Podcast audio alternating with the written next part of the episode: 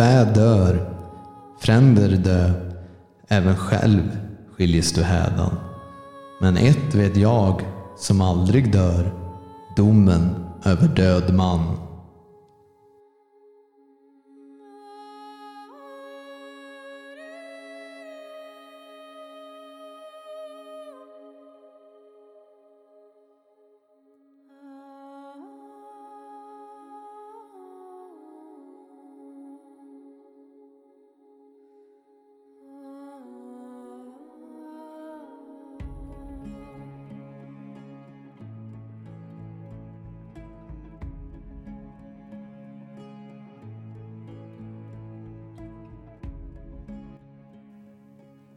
Så gott som dagligen så pratar jag med andra svenskar runt om i hela landet. Från nordligaste nord till sydligaste syd.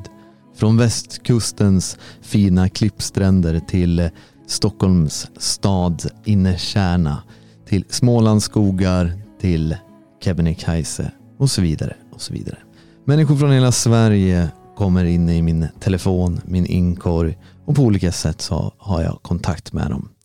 Intressant med det här är att det uppstår ibland en hel del frågor. Fortfarande så råder en viss ovisshet bland vanligt folk eh, men även av så kallade nationella beträffande vad jag är, vad jag tror på och vad jag egentligen avser att göra. Med andra ord frågor som gäller vad allt egentligen handlar om. Och ikväll så vill jag försöka besvara dessa frågor så klart och tydligt jag bara kan. Du lyssnar på veckans hädelser.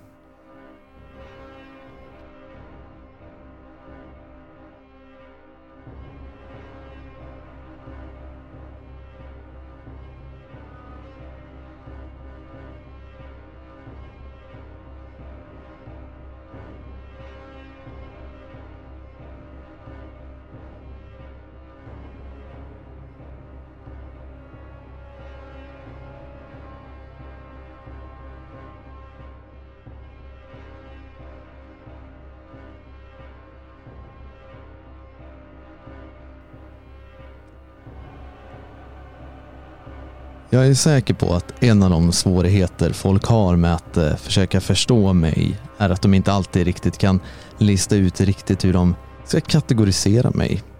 De är vana vid att placera allt de stöter på här i livet i sina små mänskliga mentala fack som man har märkt upp högerkant, vänsterkant, kommunism eller hemsk rasism. När de väl har gjort detta så tror människor gärna att de förstår någonting. Ah, jag har förstått den stora saken med S för att jag har kunnat kategorisera människor. Ja, problemet är att jag i alla fall inte riktigt passar in i något av de här vanliga facken. Och det är på grund av att jag tror mig i alla fall leva efter någon form av svensk nationalistisk doktrin för 2000-talet och den sanning som jag står för är inte bara ett hopkok av gamla och bekanta idéer utan det är verkligen någonting nytt för Sverige och svenskarna.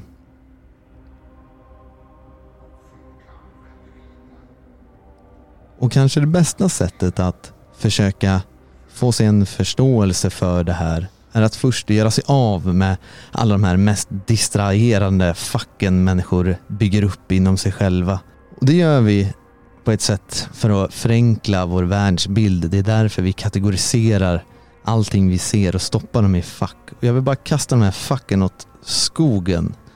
Det här gör jag genom att jag måste framhäva vad jag inte är. Jag är varken, som säkert många av er som lyssnar här nu eller många andra människor, i början verkar förmoda att jag skulle vara någon form av libertarian eller konservativ eller egentligen någon högkantsmänniska överhuvudtaget. Och jag säger inte det här bara för att vara lite fyndig, men det är lite roligt när människor ändå alltid ska kalla i alla fall mig högerextremist.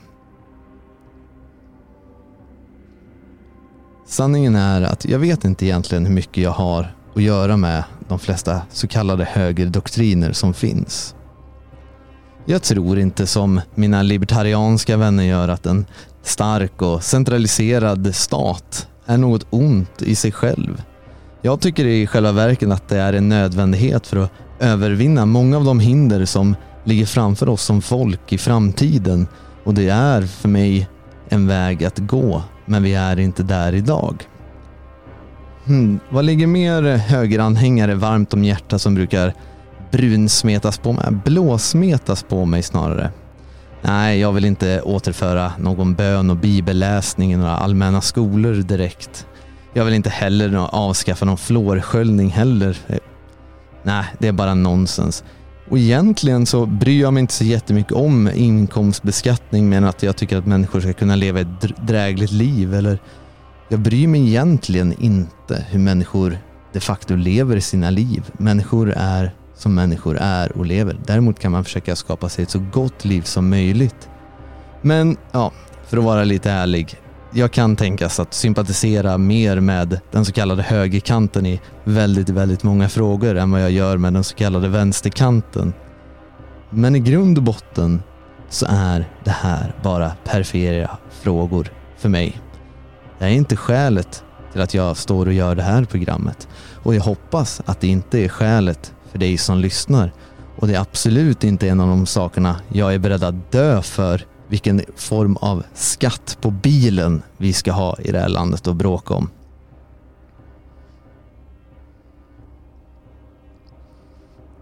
I själva verket så tror jag att jag står närmre vad som vanligtvis betraktas som en ganska vänsterorienterad politik eh, än vad många så kallade i den konservativa högerorienterade högern gör. Och en av de här frågorna som jag kan sympatisera mycket med den så kallade vänstern är frågor kring ekologi och man ska avskaffa miljöförstöring, man ska skydda naturen och djurlivet och det är frågor jag kan sympatisera med och det är också frågor jag ser hur den eh, sanna oppositionen har återerövrat och tagit från människor som Greta Thunberg som exempel. Sen finns det även frågor som jag kan stå närmre egentligen socialister mer än konservativa och även om jag betvivlar att jag någonsin kommer hålla med någon fullständigt i någon som helst fråga så tror jag nog någonstans att eh, om jag ska se allting med en överblick så tenderar jag att luta mer åt höger än vänster. Men höger eller vänster spelar egentligen ingen roll. Skälet är bristen på fullständig samsyn. I alla fall där det förefaller råda en ungefärlig samsyn. Med antingen höger eller vänster är att min ståndpunkt i varje fråga härleds ur en underliggande syn på världen som är fundamentalt annorlunda egentligen både högern och vänstern. Det vill säga i den utsträckning som de har egentligen någon underliggande filosofi alls. För det finns ofta ingen underliggande filosofi, världsåskådning eller ens någon ideologi bakom de moderna politiska ideologierna eller tendenserna vi ser i samhället. De är helt enkelt tomma. En hel del människor som identifierar sig själva som de här demokraterna av olika slag eller nationalister till och med har helt enkelt bara en uppsättning åsikter i olika frågor som inte är relaterade till någon gemensam ideologi eller föreställning. De har inget syfte eller någon filosofi. De bara är och reagerar instinktivt. Likt de djur de är. Och innan vi går tillbaka till lite mer positiva saker så låt mig bara skjuta in lite mer negativitet här medan jag håller på. En sak som jag inte försöker göra här till skillnad från många andra politrucker och andra människor som tror sig ha lösningen på all världens problem. Att jag gör inte allt för att försöka hitta en snabb eller enkel lösning på de problem som vi som folk står inför. Och vi har enormt stora problem. Och om vi ska lösa dem överhuvudtaget så måste vi ta itu med dem med mer beslutsamhet, mer orubblighet och mer fanatism än vad de här problemen någonsin har blivit angripna med förut. Och vi måste förbereda oss själva mentalt och andligt på en mycket, mycket lång, blodig och smärtsam kamp. Och vi får inte inbilla oss att vi är som en grupp soldater i färd med att storma en grotta full av rövare och den enda förberedelse som vi behöver göra är att se till att våra bajonetter sitter på plats och att vårt krut är torrt. För den här föreställningen brukar vara den flesta nationalisters attityd nu för tiden och det är tyvärr inte en realistisk sådan. Släng ut nollorna ur Rosenbad, har jag hört så många gånger nu. Ja, när, polit när politikerna är borta, då är våra problem över. Nej, så här. Istället så måste vi se på oss själva som en början. Den blotta, blotta början av en mäktig armé vars uppgift inte är att rensa upp i den här grottan full av rövare eller i parlamenten utan vi är en armé som kommer besegra en helt fientlig värld och innan ens det första skottet har avlossats så måste vi bygga upp våra in vår invasionsflotta med tusentals fartyg och krigsmaskiner. Vi måste skapa enorma lager av kanonkulor, krut och all annan tänkbar ammunition. Och ja, jag talar självklart i metaforer här. Och vi måste även göra hundra andra saker. Vi måste med andra ord förbereda oss själva för vår politiska kamp innan vi ens kan räkna med att den ger oss något annat än det konstanta misslyckande som nationella har belönats med tidigare. Vi måste bygga en grund som kommer att understödja oss under väldigt, väldigt lång tid. Det här fälttåget är inte över på en säsong. Låt mig ge er en annan analogi. Vi är som en stam hungriga, svältande människor i ett land som trots att jorden är bördig erbjuder förhållandevis lite att äta. Dessa människor finner lite bär som växer på buskar och några ätbara rötter i marken.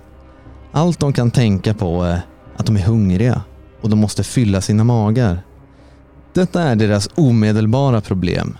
De tillbringar all sin tid, dag efter dag, år ut och år in med att jaga efter dessa små, små, små bär på buskar och dra upp någon enstaka rot ur marken.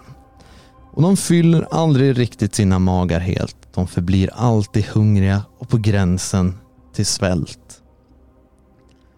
Detta på grund av att ingen någonsin tagit några minuter lite ledigt från letandet av bär och funderat funderat vidare bortom det här omedelbara problemet med att fylla sin hunger just där och då. Ingen har föreslagit att medan en hel del fortsätter att jaga bär så borde andra i den här stammen uthärda lite hungersmärtor en tid och tillverka några enkla verktyg. En enkel plog av någon trädgren kanske. En kuphacka och sedan använda dessa redskap för att plöja upp en del av deras land kanske där plantera några bär i fårorna och vaka över dem så att fåglar inte krafsar upp dem. De skulle kunna rensa sina fåror och kanske avleda en hel del av den närliggande ström för bevattning. Om de gjorde detta, om de tänkte bortom sina omedelbara problem och i den utsträckning som vore möjlig tacklade ett mycket större problem så skulle slutligen, även om, om det skulle så ta åratal, lösa det hungersproblem som de aldrig skulle kunna lösa när, de var, när det var det enda de tänkte på. Lösningen på problemet med att hålla sina magar fyllda skulle vara att utveckla en agrar grundnäring istället för detta bärplockande och rotgrävande i marken.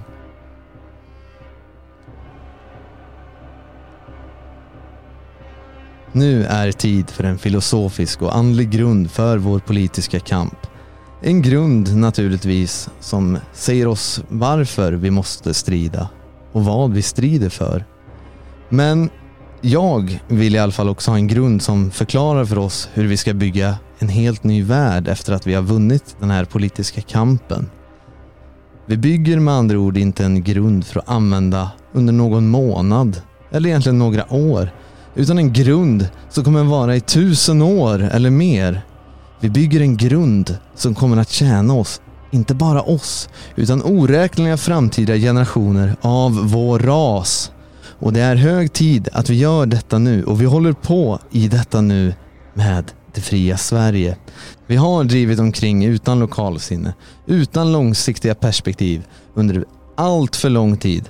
Och det är dags att vi slutar fästa blicken vid nästa år eller nästa val och istället fäster den på det som verkligen räknas, evigheten. Ni måste förstå att vi svenskar är ganska berömda för att vara ett praktiskt folk, ett ingenjörsfolk och ett envist och rättframt folk. När man skulle bygga Pacific Union i USA på 1800-talet så eh, finns det ett ganska känt citat från, eh, jag tror det var ja, han som fick i kontrakt att bygga den här järnvägen i alla fall, att eh, ge mig svenskar, snus och brännvin så ska jag bygga dig en järnväg till helvetet. Det visar lite på den synen omvärlden har om, om oss. Och vi kanske inte alltid är de här stora tänkarna i historien, men vi är de verkliga problemlösarna. Vi slår inte dank helt enkelt. Vi kastar oss in i våra saker och vi gör dem och vi gör dem förbannat bra, det vi tar oss för. Det är så vi fick det här ryktet om i världen. Det är så de här egenskaperna spred sig över hela jorden och det är ett arv från våra förfäder som koloniserade hela den här världsdelen och till slut hela världen. Vi som ras och folk har inte våndats huruvida vi har varit orättvisa mot indianer, svarta eller andra folkgrupper där. Egentligen när vi bokstavligt faktiskt tog deras land. Vi struntade i. Vi marscherade bara över dem och vi fortsatte med vår eviga strävan. För det var vad vi var tvungna att göra. Vi följde bara dem vi var, våra instinkter och vi använde våra huvuden. Och oftast, även om Black Lives Matter och massmedia av idag inte vill erkänna det, så gjorde vi vad som faktiskt var rätt. Men vi gjorde också en hel del misstag. Ganska svåra misstag som folk och ras på en stor kollektiv nivå. Och på grund av att det fanns en hel del eh, sydliga kolonier som vår ras hade lagt under sig som var ganska idealiskt lämpade för vissa typer av grödor så krävde det ganska stora mängder handarbete. Och det fanns naturligtvis inga maskiner på den här tiden och eh, helt enkelt vita flyttade svarta delar av befolkningen i Afrika runt om i världen. Och på den här tiden så verkar det ganska vettigt ur ett ekonomiskt perspektiv. Ja, men vad då? Vi tjänar ju på det här. Invandringen kommer göra oss väldigt rikare. Känner ni igen argumentationen?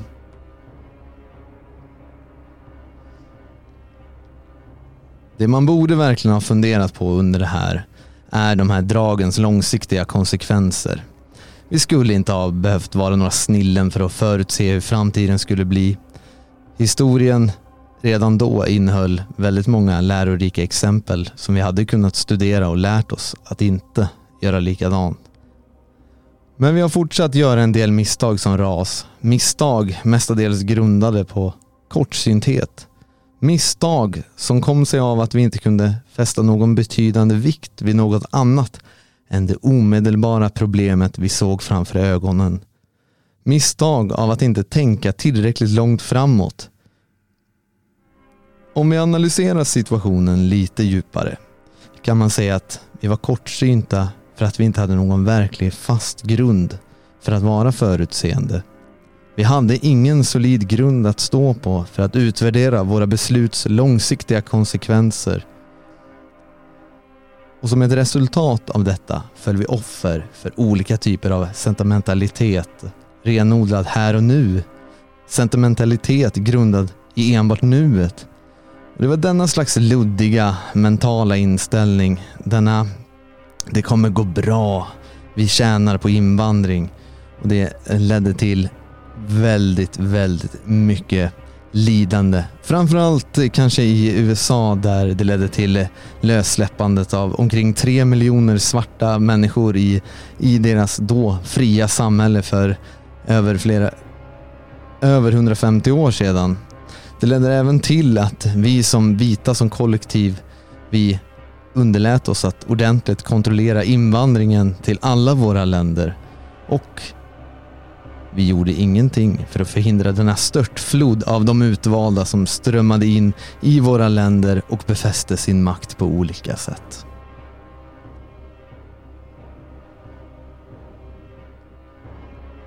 Däremot fanns det en hel del av dessa problem som besvärade många ganska goda människor i historien. Den amerikanska presidenten Abraham Lincoln han besvärades ganska mycket av de potentiella konsekvenserna av att frige slavarna. Senare är det andra personer i historien som har varit bekymrade över farorna med okontrollerad invandring. Men den här luddiga mentala inställningen har helt enkelt fått övertaget på grund av att de som i sina hjärtan visste att våra länder gör misstag inte hade någon verkligt solid grund och de kunde inte motsätta sig de sentimentala krafterna om att det är synd om de andra.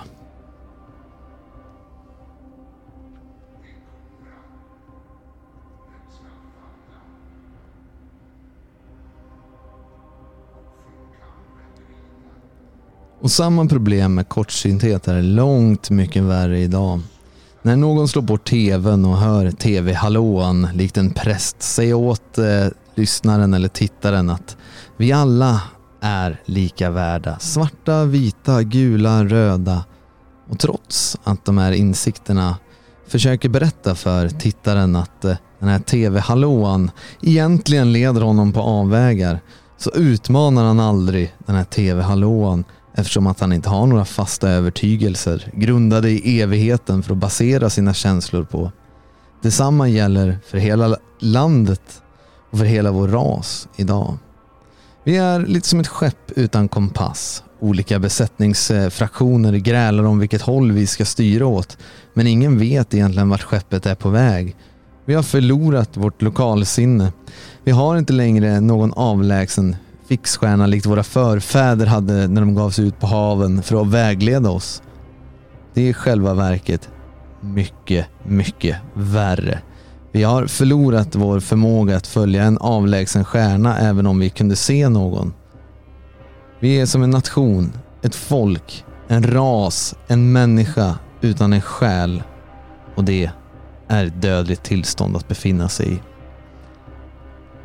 Inget renodlat politiskt program kan ha något verkligt värde för oss egentligen på lång sikt om vi inte får tillbaka våra själar om vi inte än en gång lär oss hur man är trogen sin inre natur. Om vi inte lär oss följa den gudomliga gnistan inom oss och grundar alla våra beslut på en klar, vittomspännande filosofi upplyst av den gnistan.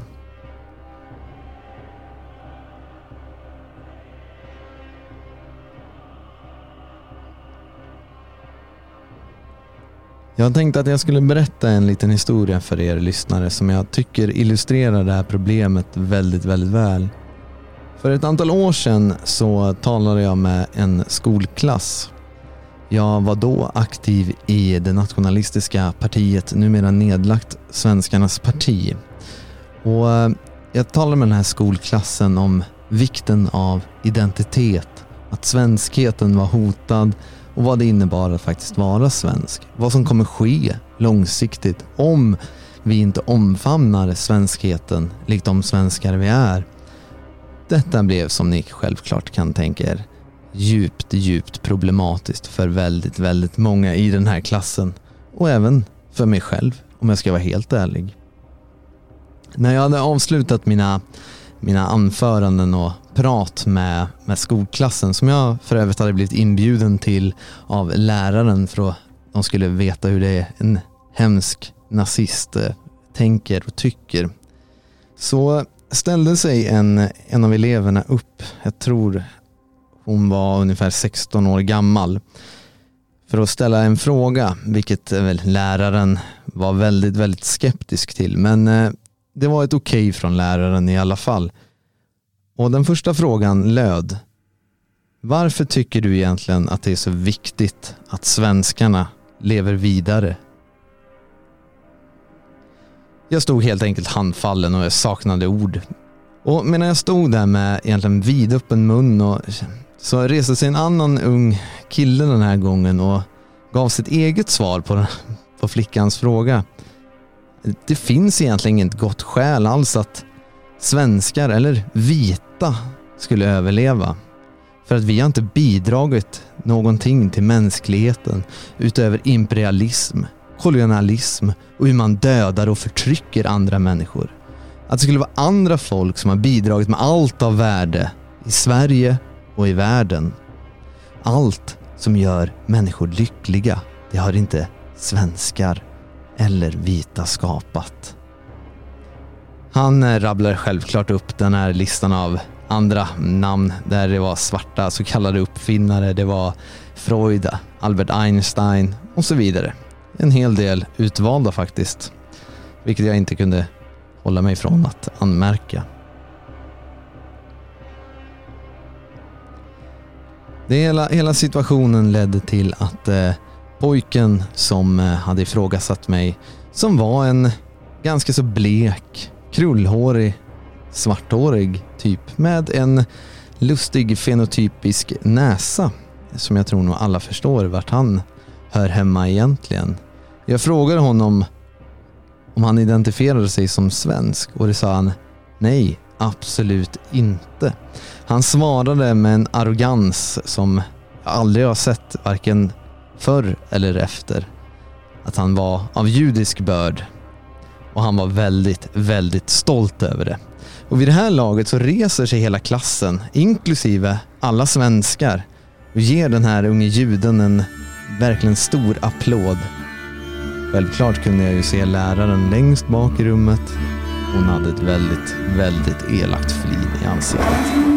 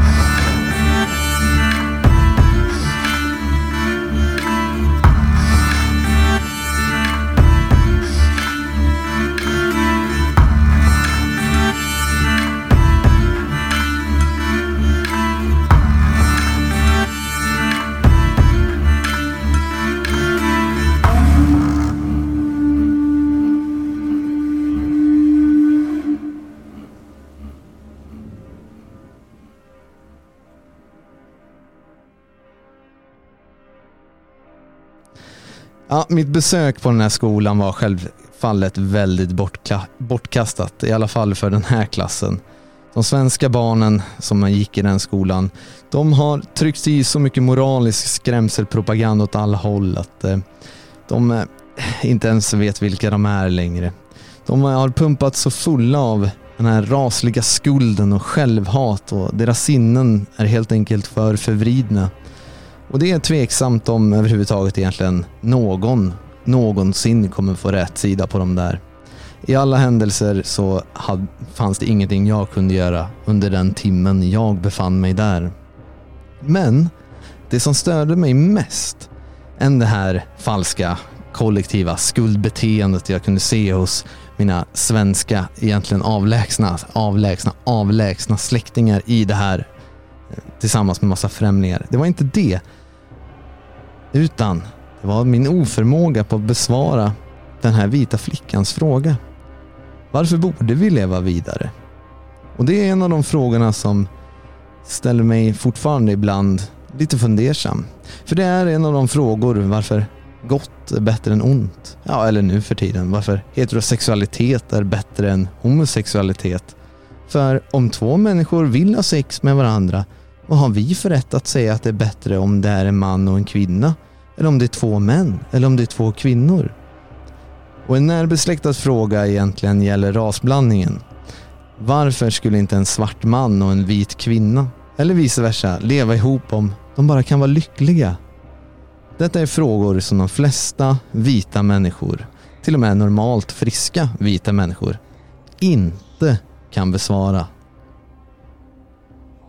För lite mer än över hundra år sedan, före den här massmediala revolutionen kom och före en viss minoritet hade strömmats in till, eh, till vårt land eh, så, så, så såg det mycket, mycket annorlunda ut. Men som alla säkerligen, ni som lyssnar egentligen är medvetna om. Vår massmedia är i klorna på en utvald elit. Vårt utbildningsväsende speglar deras världsbild. Men innan det här var, så var det inte säkert att vi behövde svar på de här frågorna. Vi visste helt enkelt att det var viktigt att vi som folk överlevde och att vi tog våra framsteg. Vi visste om att sexuella perversioner och integration helt enkelt var fel. Vår känsla sa oss detta. Svaren fanns långt djupt in i våra själar även om vi inte kunde uttrycka dem i ord. Då kom det däremot en hel del extremister. Dessa utvalda extremister som är smarta människor. Väldigt smarta. Och de började ställa de här frågorna till oss som inte kunde besvara frågorna. Och när vi inte kunde besvara de här frågorna så besvarade de själva. Nu tror jag alla ni som lyssnar här ikväll vet vilka deras svar är. Vi läser deras svar i tidningar och hör dem på TV varje dag. En hel del svenskar, faktiskt majoriteten, motsatte sig det här i en början. Men några skäl för att motsätta sig egentligen var felaktiga. Det var det fanns alltså exempel tidigt när man har sett i SVT där eh, man har tillfrågat vanliga svenska familjer att varför borde inte din son eller dotter gifta sig med en eh, chilenare eller en svart man?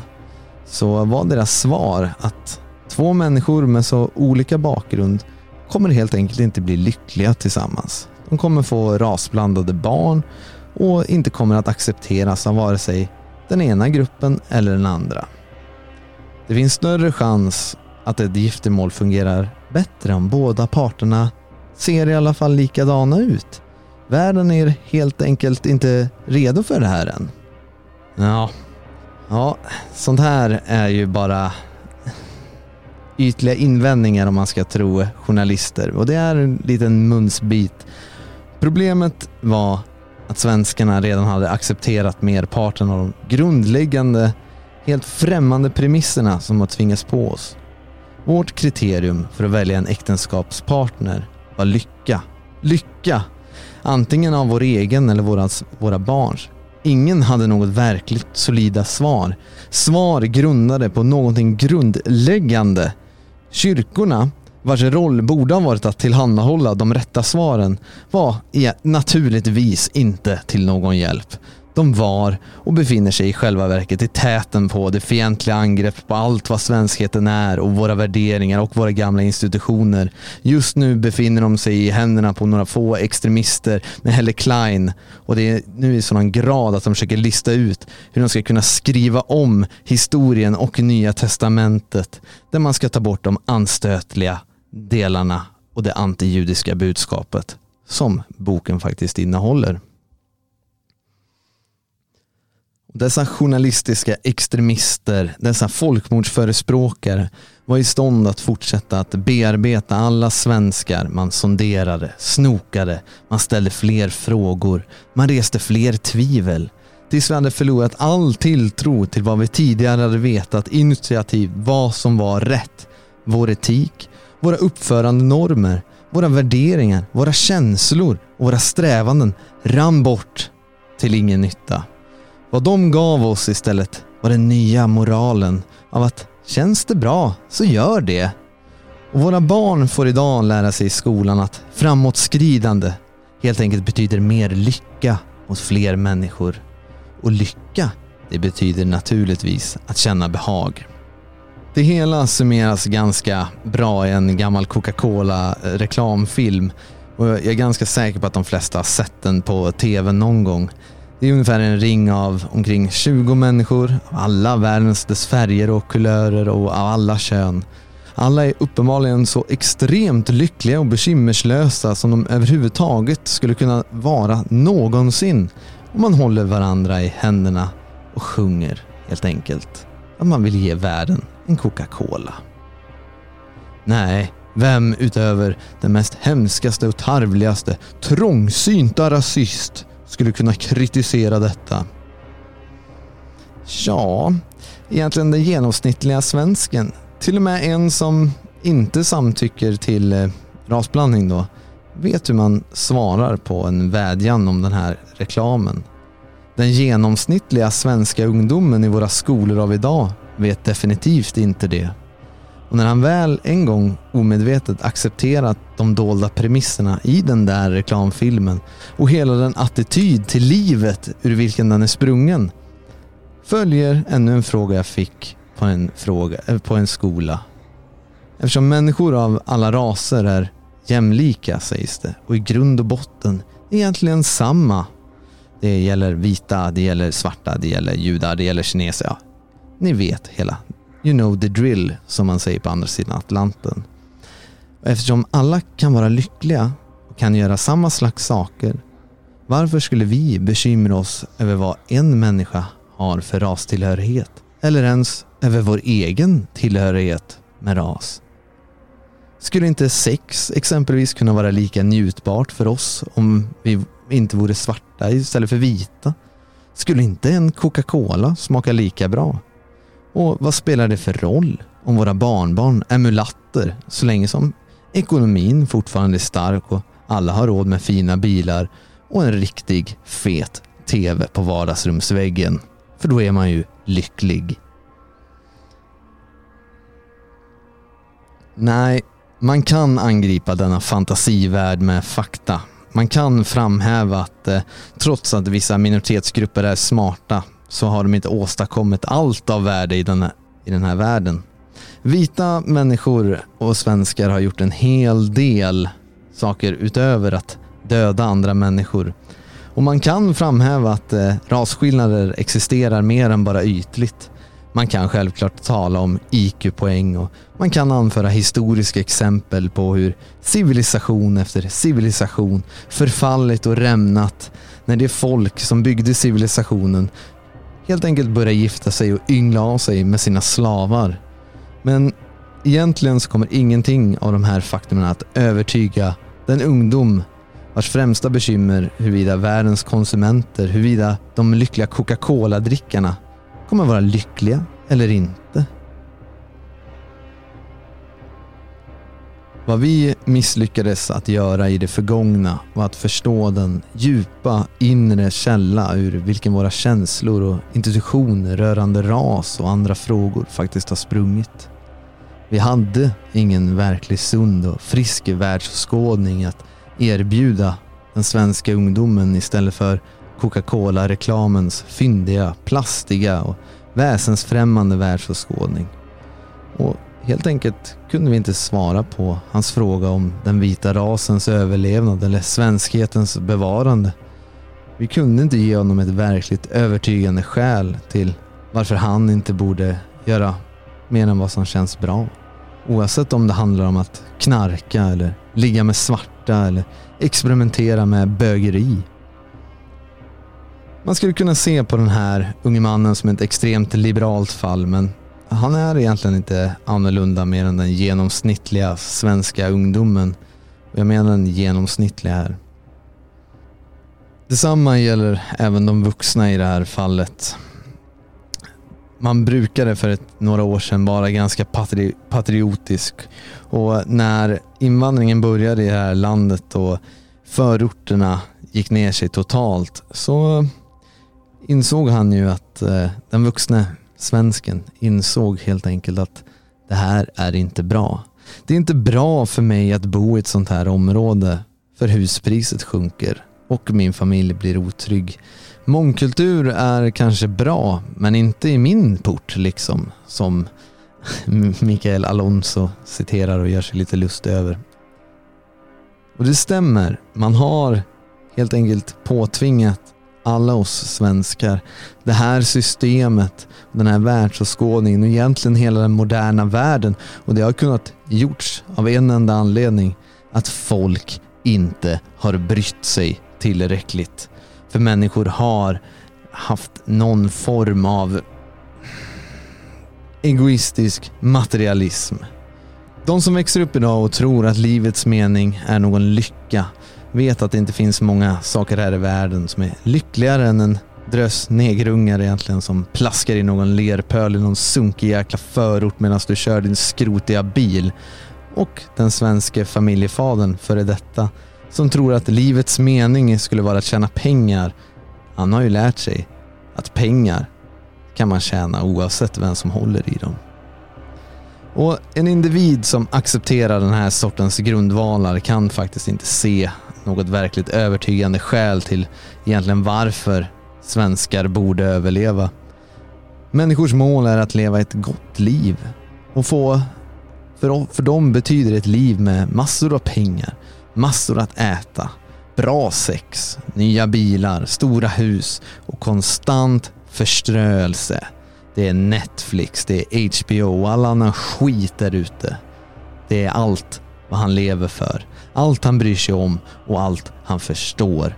Att tala om högre syften med en vanlig normal Svensson så blir han helt tom i blicken. Tala om evigheten så skrattar han åt den. Han avser att få ut så mycket i livet som han bara kan. Allt bortom det betyder ingenting för honom. Det är en skillnad med tanke jämfört med nu, med den attityd som genomsyrade livet hos våra förfäder i norra Europa bara för några hundra år sedan. Det var inte den attityd som gjorde att vi som folk kunde få världsimperium på fall, grunda hela dynastier runt om i hela Europa och världen och bygga den värld som vi känner idag. Fä dör, fränder dö, även själv skiljes du hädan. Men ett vet jag som aldrig dör, domen över död man. Den tyske filosofen Arthur Schopenhauer uttryckte i, i grund och botten samma föreställning när han sa att den yttersta man man kan hoppas på är en heroisk väg genom livet.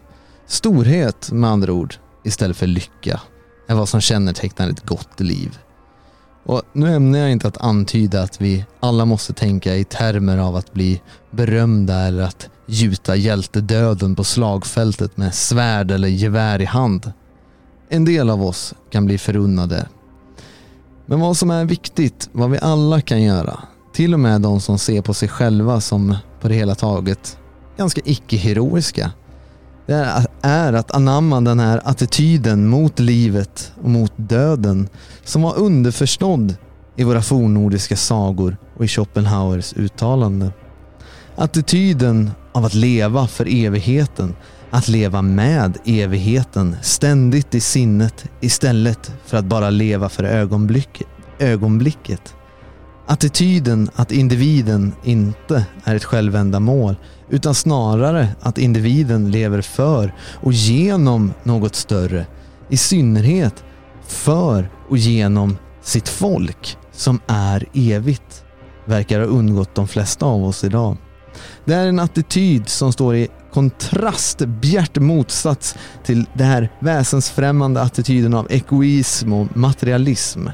Och ändå är det den främmande attityden som har anammats av de flesta svenskar idag.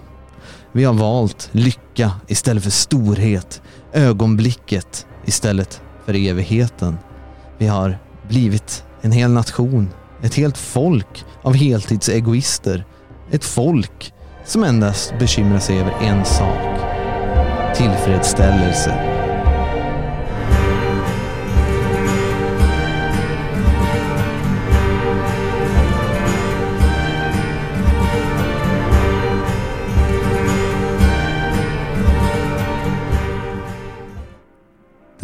genomsnittliga svensken har naturligtvis alltid varit ganska så kortsynt. Hans intressen har alltid varit ganska begränsade till hans egen välfärd. Den materialism av idag som jag har talat om är en, en fråga om grad. Den har ett något starkare grepp om svensken på gatan än den hade tidigare. Men vad som idag är värre är att idag att den har ett grepp om våra ledare. Om våra lärare, om våra poeter, om våra filosofer, om vi nu har några. Till och med de som säger sig verka för vår sak i parlamenten. Den har så grundligt genomsyrat allas våra själar att vi har reagerat på den med att bli andligt sjuka. Och denna andliga sjukdom, denna förlust av våra själar är orsaken till att vi befinner oss i en sån röra vi befinner oss idag.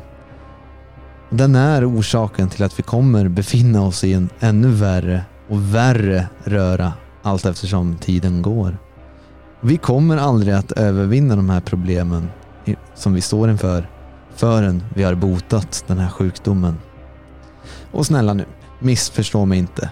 Jag talar inte om något inom syndernas lön i samma bemärkelse som kanske många av oss kanske är bekanta med. Jag talar inte om någon så kallad gudomlighet där jag menar någon himmelsfader som sitter på sin tron i skyn och straffar oss och hindrar oss från att besegra våra fiender för att vi inte uppfyller hans budord. Nej, i min värld är det ganska mycket nonsens. Vi straffas inte av något övernaturligt väsen. Vi befinner oss helt enkelt i den här knipan av samma skäl som en upptäcktsresande i en ogästvänlig och otrampad vildmark är i knipa när han har tappat sin kompass och inte kan se himlen genom det täta lövverket. Han vet inte längre vart han ska gå. Och det är vårt mest fundamentala problem. Vi vet inte vart vi är på väg. Vi har inget lokalsinne. Vi har vacklat av stigen. Men det är egentligen någonting jag inte... Jag tror jag inte behöver berätta det för er eftersom ni som lyssnar här egentligen vet det. Till och med om ni ännu inte förstår hur eller varför, så vet ni det. Ni vet åtminstone att den rådande kurs vårt samhälle har slagit in på är fel. Den är onaturlig och den är ond. Vi vet alla att det är fel att acceptera den här själviskheten och självbelåtna attityd som blivit rådande idag. Vi vet att det är fel att bara leva för nuet, att glömma det förgångna och ignorera framtiden. Det är fel att ha omedelbar självtillfredsställelse som ens, ens enda livsmål. Det är därför som vi är här. Vi vet att det finns något mer, något annat, ett bättre sätt. Vi vet detta av samma skäl som vi attraheras av skönhet och upphöjdhet och stöt, stöter bort det fula och det usla oavsett vilket det konstlade modet för dagen är. Och vi vet att det är för djupt inom oss, i vår folksjäl, så finns en källa av gudomlig visdom. Det är den här visdomen jag vill ha som grundbult i den nationalistiska ståndpunkten. Denna sanning som de flesta av oss till stor del varit omedvetna om i hela våra liv, men som nu, jag hoppas att man, du och jag börjar förstå mer och mer klart. Den här sanningen säger åt oss att ingen människa, ingen ras, inte ens denna planet existerar som ett självändamål. Det enda som existerar som ett självändamål är helheten. Den helhet av vilken de saker jag nyss räknade upp är delar. Universum är den fysiska manifestationen av helheten. Helheten förändras kontinuerligt och kommer alltid att göra det. Den utvecklas. Det vill säga att den rör på sig mot allt komplexare, allt högre existenstillstånd. Livets utveckling på jorden från icke levande materia var ett steg i denna aldrig upphörande evolutionära process. Utvecklingen av människoliknande varelser från primitiva livsformer var ett annat steg. Dessa varelser differentiering från de olika raserna till folk och alla dess olika fortsatta evolution i olika delar av världen i olika takt har varit fortsättningar av denna process. Hela evolutionen av, av livet på jorden från dess början för ungefär tre miljarder år sedan och i en mer allmän betraktelse universums evolution under en mycket, mycket längre period före ens livet uppkom är en evolution inte bara i bemärkelsen av att frambringa mer och mer högutvecklade fysiska former. I människan, i vårt folk i synnerhet, har denna uppåtlevande strävan, denna gudomliga gnista, fört oss till en ny tröskel. En tröskel lika viktig som den som separerade de som gick på alla fyra till dem som ställde sig upp. Vår tids tröskel är en tröskel av självmedvetande. Vi står nu på gränsen till en full förståelse för det faktum är att vi är en manifestation av skapelsen självt.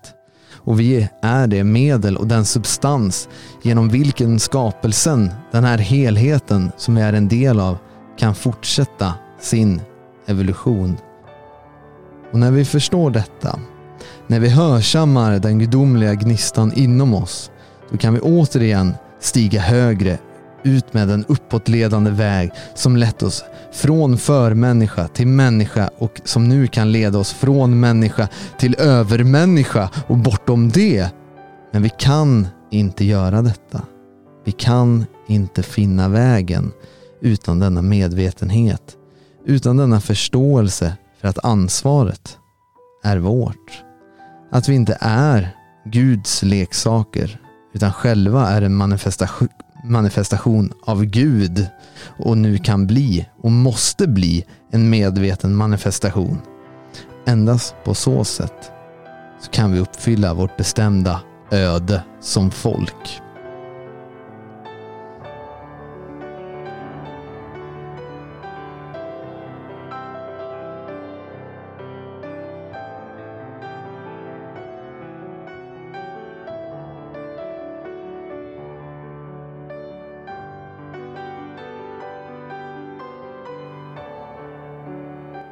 Låt mig i andra ord återbetona vad jag berättade för er tidigare ikväll om att bygga en andlig grund för vårt politiska arbete. Det fria Sveriges långsiktiga perspektiv är nödvändigt, absolut nödvändigt och oundvikligt. De kortsiktiga perspektiv som andra nationella försöker sig på och har försökt under många årtionden nu de tusentals lösningar på snabba och enkla specialfrågor eh, oavsett om det handlat om skattemotstånd eller terrorbombningar eller invandring kan inte lösa de yttersta problem vi står inför. De svaren ger oss inte våra själar tillbaka. Och Det kan verka ironiskt att vi skulle försöka besegra och förändra hela världen. Att vi skulle planera för evigheten när ingen annan har kunnat formulera en framgångsrik plan för att uppnå mycket, mycket mer begränsade mål. Till exempel att återupprätta Sverige som nation eller ta oss ur EU eller något annat. Men det är just den här kortsyntheten som jag sett hos andra nationella grupper som har arbetat för dessa begränsade mål som har varit orsaken till deras misslyckande. Däremot ser jag i det fria Sverige en långsiktighet jag aldrig har skådat innan. Det är därför jag tror på hela projektet. Så jag ska ta och berätta det för er igen. Vårt angreppssätt är inte bara en fråga om ett val mellan olika alternativ. Det är nödvändigt. Det finns ingen annan väg än den väg vi vandrar. Det finns egentligen bara en stig och det finns något annat som vi måste förstå. Vi måste ha vår filosofi. Vårt sökande efter den här uppåtledande vägen är inget som vi borde acceptera motvilligt för att vi ser det som nödvändigt att lösa våra invandringsproblem eller vänsterproblemet vi har inom svensk politik eller även problemet egentligen med den utvalda eliten inom hela vårt samhälle. Det är ingenting som i alla fall jag accepterar för att vi inte kan finna enklare angreppssätt för att ta itu med dessa problem? Nej, om vi ser det på det sättet har vi fortfarande inte befriat oss själva från den här kortsyntheten som varit vår förbannelse i den gamla nationella rörelsen.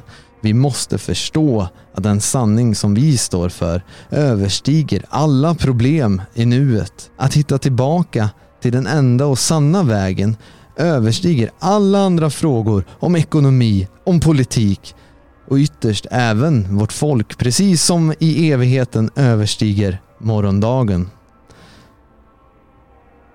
Så låt oss sluta upp med att börja i rätt ända, mentalt och andligt.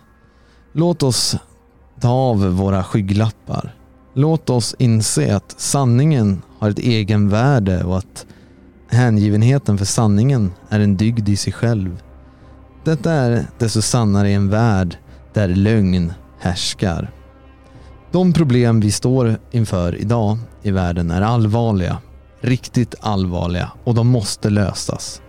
Men den första och viktigaste uppgiften, den uppgift som alla våra övriga problem slutligen måste komma an på för sin lösning. Men också den uppgift som fortfarande skulle vara lika viktig för oss att fullborda om så alla våra övriga problem inte ens existerade, är den uppgift, den specifika uppgift som naturen anvisat oss. Det är uppgiften att uppnå full medvetandehet om vår enighet med naturens helhet. Uppnå full medvetandehet om att vi är en del och kronan på verket i naturen. Min sanning är en mycket enkel sanning och dess innebörd är ganska enorm bortom all föreställningsförmåga. I den utsträckning som vi förstår och accepterar den särskiljer den oss från alla människorna omkring oss. Vårt accepterande av den här sanningen utmärker oss som de enda vuxna i en hel värld fylld av barn. För underförstått i vad vi tror på ligger vårt erkännande accepterande av vårt eget ansvar för vår egen framtid och för universums framtid. Framtiden för allting som någonsin kommer att vara värt någonting någonsin vilar nu i våra händer. Det här är ett fruktansvärt och formidabelt ansvar. Ett överväldigande ansvar. Om vi endast vore människor skulle vi inte kunna bära det. Vi skulle vara tvungna att uppfinna något övernaturligt väsen att överlåta vårt ansvar på. Men vi, du som lyssnar och jag, vi måste och kan bära det här när vi förstår att vi själva förkroppsligar den här gudomliga gnistan som utgör hela universums uppåtledande drivkraft. Accepterandet av vår sanna natur pålägger oss inte bara det ansvar som andra människor har undvikit genom historien. Den förlänar oss ett hölje av moralisk auktoritet som åtföljer ansvaret. Den moraliska auktoriteten att göra vad som är nödvändigt för att fullborda vårt ansvar. Vidare innebär det ett accepterande av vårt levnadsöde. Ett obegränsat levnadsöde ett storslaget levnadsöde bortom all föreställningsförmåga om vi verkligen har våra övertygelsers mod. Om vi uppriktigt håller fast vid de krav som vår inre sanning ställer på oss.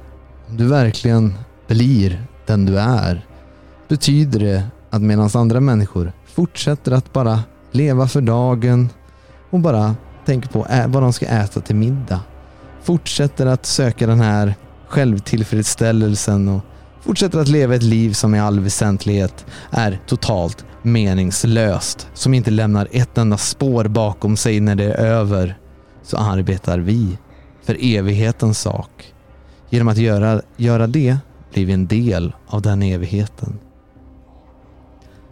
För en hel del av er som lyssnar så förstår jag om uppgiften verkar för stor. Det här ansvaret kan bli för överväldigande. Och ni har rätt. Om vi väljer att förbli barn istället för att acceptera vad det innebär att vara vuxen. Om vi fortsätter det förgångnas kortsynta angreppssätt så kommer vi i längden misslyckas grundligt. Vår ras fiender kommer att segra över oss och vi, du och jag, av vår sort kommer att försvinna för alltid alla våra uppoffringar och våra förfäders alla drömmar och uppoffringar kommer att ha varit förgäves. Inte ens ett minne av oss kommer att finnas kvar, eller vår sort. Någonstans i historieböcker, böcker kommer att försvinna. Och någonstans så kommer universum att bli väldigt, väldigt fattigare plats. Men jag tror inte att vi kommer misslyckas med det här ansvaret. För när vi arbetar för att uppnå vårt syfte, när vi gör det vi är satta för att göra, när vi gör det som vi är, finner vi återigen vår väg till den rätta och naturliga stigen för vårt folk och vår värld. Vi arbetar återigen med helheten och vi har en mäktig tradition bakom oss som en arsenal mot den moderna världen. Vårt syfte är det syfte för vilken jorden föddes ur kosmos, gas och damm. Det syfte för vilket den första primitiva amfibien krälade upp ur havet för 300 miljoner år sedan och lärde sig att leva på land. Det syfte för vilket den första människorasen höll sig själv åtskild från andra apmänniskorna och fortplantade sig med enbart av sin egen sort. Det är det syfte för vilken människan först fångade blixten från skyn, tämjde den och kallade den för eld. Det syfte som fick våra förfäder att börja rida hästar och komma på hur man spände kärror bakom dem och erövrade hela Europa. Det syfte för vilka förfäder byggde världens första astronomiska observatorium på en brittisk slätt för mer än 4000 år sedan. Det är det syftet för vilket Jesus Galileen bekämpade det judiska oket och dog för 2000 år sedan. Det var det syfte för vilket Rembrandt målade. Det var för det syftet vilket Shakespeare skrev. Och för det syftet som Newton satt och grubblade under sitt äppelträd. Vårt syfte, det syfte vi alla måste bli besatta av, är det för vilket det bästa det ädlaste, de männen och kvinnorna av som vår ras genom tidsåldrarna har kämpat och dött för, antingen de varit fullt medvetna om den här strävan eller inte. Det är det syfte för vilket de sökte skönhet och skapade skönhet. Det syfte för vilket de studerade skyarna och lärde sig själva naturens mysterier. Det syfte för vilket de bestred det depraverade, det degenererade, det regressiva och de onda krafterna överallt omkring sig och i sin omvärld.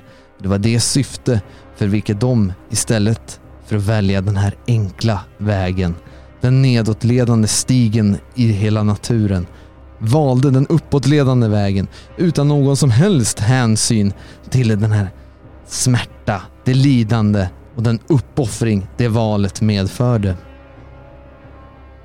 Ja, de gjorde de här sakerna till stor del utan att ha någon full förståelse för varför. Precis som den första amfibien som inte förstod sitt syfte när den krälade upp där på land. Vårt syfte är naturens syfte. Vår väg är det gudomliga medvetandets väg. Vägen till naturens självförverkligande. Detta är den väg som föreskrivits oss på grund av vad vi är på grund av gnistan av gudomlig medvetenhet inom oss och endast i oss. Ingen annan ras eller folk har någonsin eller kan färdas denna väg, vår väg, åt oss. Vi ensamma måste bevisa huruvida vi är lämpade att tjäna naturen och om vi är lämpade om vi återigen hörsammar den inre kunskap som finns inristad med runor i våra själar av naturen, om vi återvinner tilltron till de saker vi visste var sanna utan att fullt förstå varför och om vi nu även lär oss själva varför så kommer vi återigen att befinna oss på den uppåtledande väg som har föreskrivit oss mot vårt öde bort genom stjärnorna till det vita rymdimperiet.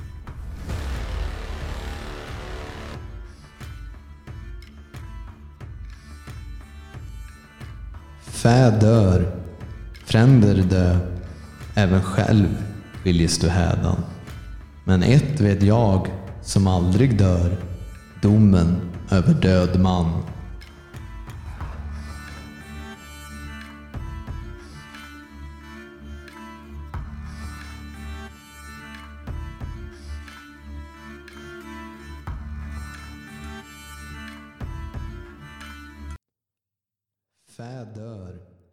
Fränder dö, även själv skiljes du hädan. Men ett vet jag som aldrig dör, domen